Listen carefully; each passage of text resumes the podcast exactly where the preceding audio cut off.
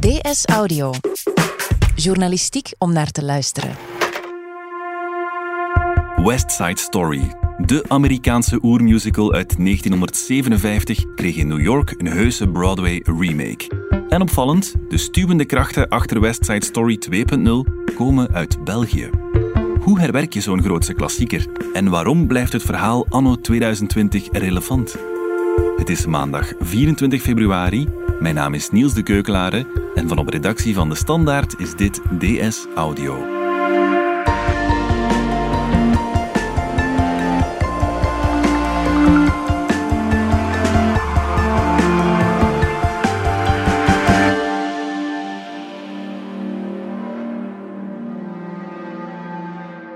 Filip Tielens, cultuurjournalist voor De Standaard. Jij bent afgezakt naar New York om de musical in levende lijven te gaan bewonderen.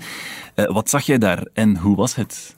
Ja, dat klopt, Niels. Ik ben in het eh, Broadway Theater, dat is een prachtig oud uh, theater, 1700 plaatsen, gaan kijken naar uh, een van de laatste previews op West Side Story. Mm -hmm. Dus de musical die nu daar een revival kent.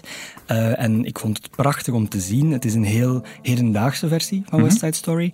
met heel veel dans, rauwe energie en enorm ja, uh, ik vond het een duizelingwekkende explosie eigenlijk van, van kracht, van, van agressie ook, want het gaat over twee jeugdbendes die tegen elkaar uh, strijden. Mm -hmm. uh, het is echt heel hedendaags. Wat ze wilden doen, een West Side Story voor de 21ste eeuw, daar zijn ze ook in geslaagd, vind ik. Het is zeker geen bestofte oude doos die opnieuw wordt opgevoerd. Nee, en het publiek was ook enthousiast. Ja, ik sprak achteraf met een aantal toeschouwers. de meeste toeschouwers waren heel erg enthousiast. It was great. Yeah, it was... Um... I liked the changes that they made. It was refreshed, but still kept the integrity of the original show, and I liked it a lot. Yeah. My first impression was that it was absolutely stunning. I thought it was just beautiful. The performances were unreal. We were just saying we want to see it again. So. Voor de luisteraars die niet vertrouwd zijn met het verhaal van West Side Story, waarover gaat het? Het gaat eigenlijk over twee bendes, eh, de Jets en de Sharks. Um, de Jets, eh, in het origineel zijn dat um, een Pools-Italiaanse bende, dus een, een, witte bende. En de Sharks zijn Latino's, komen uit Puerto Rico, zijn immigranten in New York. En zij strijden eigenlijk om een, om een territorium. En dat, dat gaat ook met veel plagen, maar uiteindelijk uh, ontaart dat geweld. En, en, je volgt hen dus richting fatale afloop. Mm -hmm. Maar het is een remake van Romeo en Julia. Ja, ja. Dus er is ook een liefdesverhaal, een verboden liefde. Want enerzijds heb je Tony, dat is uh, iemand van de Jets. Die wordt op een feestje verliefd op uh, Maria. En Maria is iemand van de Sharks. Dus mm, dat is natuurlijk mm-hmm. een verboden liefde. En dus hun clans proberen hen uit elkaar te trekken.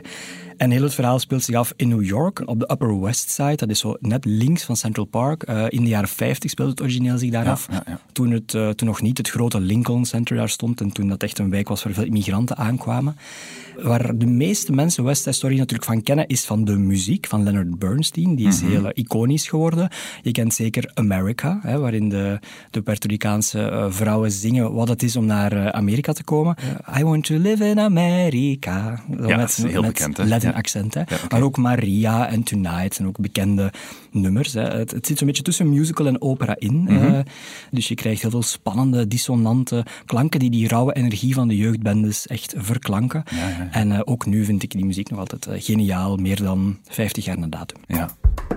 Die klassieke Amerikaanse musical is nu herwerkt door vier Belgen. Wie zijn zij? Allereerst uh, Ivo van Hoven, de regisseur. Hij kwam ook met het idee. En hij is dan later naar Anne-Theresa de Keersmaker uh, gestapt, die de choreografie heeft uh, gedaan. Mm -hmm. Voor het eerst een nieuwe choreografie voor West Side Story. Mm -hmm. En dan heb je natuurlijk Jan Verswijfel, dat is de partner van Ivo en zijn vaste scenograaf. Dus die is verantwoordelijk voor scenografie en licht. En Anne Duis, dat is zijn vaste kostuumontwerpster. zij ontwierpen streetwear, waarin dus de bendeleden eigenlijk elkaar te lijf ja, gaan. Ja, ja. En het idee komt van Ivo. in 2016 had hij dat idee om dit te doen. En dat was ten tijde van de Republikeinse voorverkiezingen. Dus mm. toen uh, Trump uiteindelijk de nominatie binnenhaalde. Hij vertelde me dat hij Trump altijd uh, meer en meer naar het midden van de voorverkiezingen in, aan de debattafel zag opschuiven. Naarmate hij populairder werd. En ook de toon zag hij verharden. En er kwam steeds meer polarisatie en steeds meer hardere taal. Ja. En natuurlijk West Side Story gaat ook over twee kampen die elkaar uh, ja, zwart maken en tegen elkaar strijden. Dus hij zag daarin een, een, een parallel. En dan is hij gestapt naar Scott Rudin, dat is uh, zowat de bekendste Broadway-producer, met het idee, kijk, ik wil een nieuwe West Side Story doen voor de 21ste eeuw, met um, vier voorwaarden. En die Rudin dacht, ja, laat maar komen. Uh, die eerste voorwaarden waren vrij, vrij simpel. Uh, namelijk, het verhaal moest zich nu afspelen, anno 2020, en niet meer in de jaren 50, zoals het altijd is opgevoerd tot nu toe. Ja, dus dat is op zich wel een nieuw iets. En hij wilde ook uh, de Jets niet meer enkel een witte bende maken, maar een weerspiegeling van het straatbeeld. Dus uh, nu is het gemengd wit en Afro-Amerikaans eigenlijk. Mm -hmm. En hij wou het ook laten spelen door echt heel jonge performers, dus tieners en twintigers. Meestal wordt het opgevoerd door iets oudere uh, performers, omdat de muziek en de dans en het spelen samen is, is best complex en je moet er wel wat ervaring voor hebben. Maar Ivo wilde die, die rauwe energie en van de bandleden, dus moesten het de jonge performers zijn. Dus ja, ja. dat vond die Rudin allemaal uh, prima. Maar dan komt zijn vierde vraag, namelijk uh, we willen ook een nieuwe choreografie. Dus niet meer het origineel van Jerome Robbins, die het helemaal heeft bedacht, maar we zijn nu bijna 60 jaar later, we willen een modernere choreografie. En ja. dat was dus het uh, moeilijkst om, uh, om op toe te zeggen. Dat is dan uiteindelijk wel gelukt. En zo krijgen we nu voor het eerst door Andrés de Keersmaker een volledig nieuwe dans op West Side Story. Ja. Hoe uitzonderlijk is het dat uh, Belgen op Broadway een musical mogen maken? Dat is zeer uitzonderlijk. Uh, voor Ivo van Hoven is het al zijn vierde productie op Broadway, maar hiervoor waren het drie toneelstukken. En mm-hmm. een musical is toch qua schaal en qua ampleur nog net uh, iets prestigieuzer. Het is uitzonderlijk dat het vier Belgen zijn, en zeker omdat zij West Side Story aanpakken, wat toch het oer-Amerikaanse verhaal is. Iedereen kent daar ook, iedereen kent de muziek, iedereen kent de choreografie. Mm-hmm. Um, dus die vier Belgen hebben zich, zoals ze zelf zeggen, in het hol van de leeuw uh, gewaagd. Maar ja, het was een once-in-a-lifetime opportunity om zoiets uh, te doen. En het is ook uitzonderlijk dat het stuk in première is gegaan op Broadway zelf, want de meeste, of, of toch een heel wat van de stukken en musicals die daarin uh, spelen, zijn eerst in kleinere zalen in New York of zelfs in andere steden gemaakt. Ja. En als het daar succesvol is, dan worden die getransfereerd naar, naar Broadway, omdat dat toch een enorm financieel risico is. Maar dit is dus echt een première op Broadway zelf. Dus dat is een zeer high-profile productie. Ja, dus er wordt wel veel van verwacht. Ja, absoluut. Het is al uh, een tijdje talk of town, denk ik. Ze spelen al acht weken previews. Die zijn ook tot de laatste stoel uitverkocht. En er is al heel wat verschenen in de Amerikaanse pers.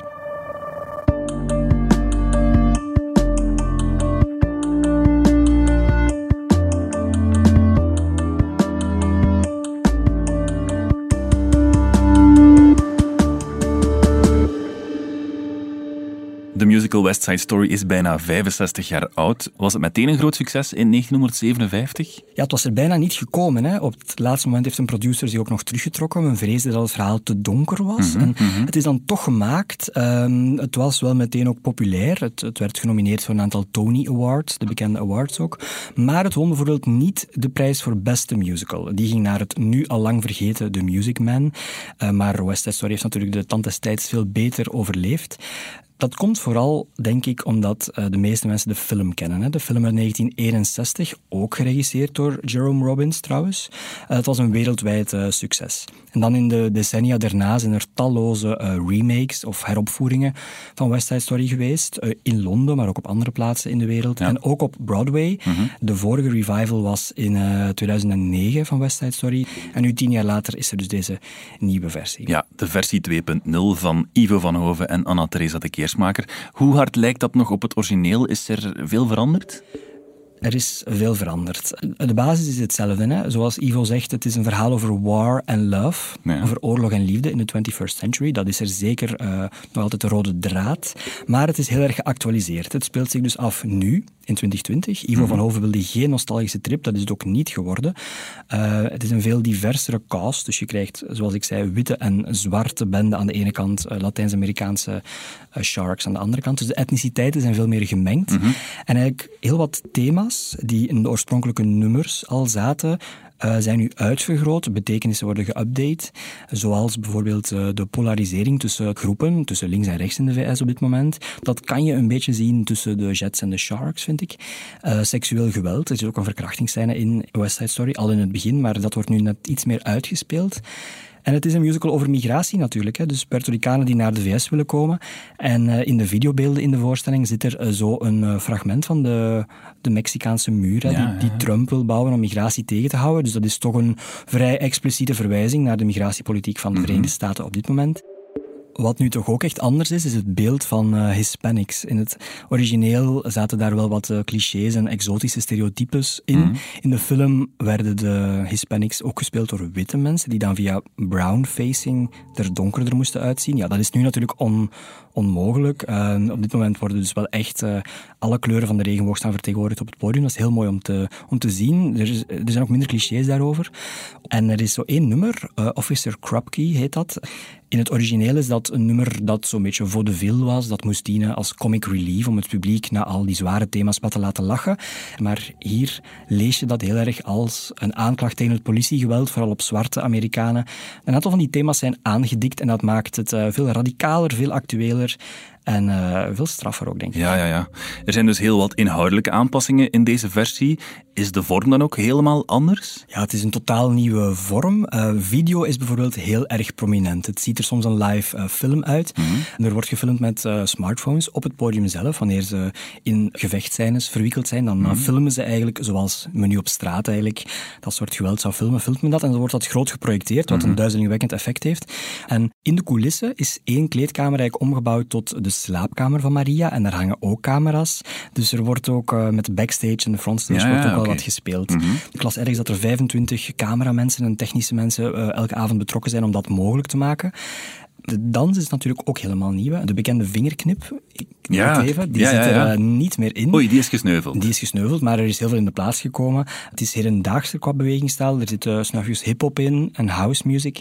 En ook uh, salsa en merengue bij de, bij de Sharks. Um, dus het voelt als een enorm energieke explosie. Minder mm ballet, meer rauw. Mm En wat ook vormelijk natuurlijk zeer spectaculair is, is dat er in het laatste half uur met bakken regen uit de lucht valt. Mhm. Dus wanneer ze echt aan het vechten zijn en wanneer de moorden gebeuren in het verhaal, dan stortregent het en dat levert epische uh, beelden op. En zij moeten niet in de modder, want er ligt geen aarde, maar toch in, het, uh, in de regen ploeteren met elkaar.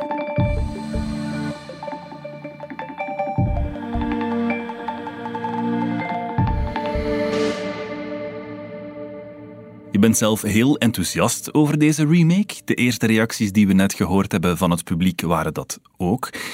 Maar hoe ging het er achter de schermen aan toe? Het is een uh, grote, dure productie. Daar komt veel bij kijken en er komen ook veel uitdagingen bij kijken. Zo waren er wel uh, en cours de route wel wat uh, spannende gebeurtenissen. Mm Eén daarvan is dat er rond een van de dansers, Amar Ramassar, die speelt Bernardo, dat is de leider van de Sharks, van die bende. Daar is een controverse rond ontstaan. Hij was danser bij het New York City Ballet. Mhm. Toen hij in 2018 daar verzeilde in een MeToo-schandaal. Het uitwisselen van naaktfoto's van ehm, vriendinnen in een chatgroep zonder hun toestemming. Hij is toen ontslagen bij het uh, ballet, uh, is later wel vrijgesproken, ook terug in dienst genomen daar. En dus gecast voor deze productie nadat hij al was vrijgesproken. Maar ja, niet iedereen vindt dat kunnen. Zo waren er protesten de avond dat ik de voorstelling zag voor het theater. Dus een mhm. dertigtal mensen die daar met uh, protestborden stonden. En er is ook een online petitie met al meer dan 50.000 ondertekenaars die oproept om Ramassar uit de productie te halen. Maar voorlopig zit hij erin. Hij doet dat ook heel erg goed. Maar ja, dat, dat is nog wel een klein uh, spannend element rond de voorstelling. Mhm. Er was op een bepaald moment wat onvrede bij de dansers, vooral bij de Sharks, over mhm. de choreografie. Zij vonden dat hun uh, Latin-identiteit te weinig zat in die, in die dans. En dan zijn zij samen met de producer uh, naar een andere choreograaf gestapt, Sergio Trujillo, een bekende Broadway-choreograaf. Die is er dan bijgeroepen om de dans te Latinizen. Dus dat uitte zich dan in meer uh, scherpere arm- en heup- en voetbewegingen. Mm. Snuifjes salsa en merengue die er ook bij kwamen. En daarna waren de dansers blijkbaar zichtbaar blijer. Dus dat is dan wel opgelost geraakt. Mm-hmm. Wat betekent dat eigenlijk om Broadway uh, spelen? Is dat gewoon in die specifieke straat of gaat dat breder uh, dan dat? Ja, je hebt natuurlijk de straat, maar het is ook een soort stijl, hè? Broadway Theater.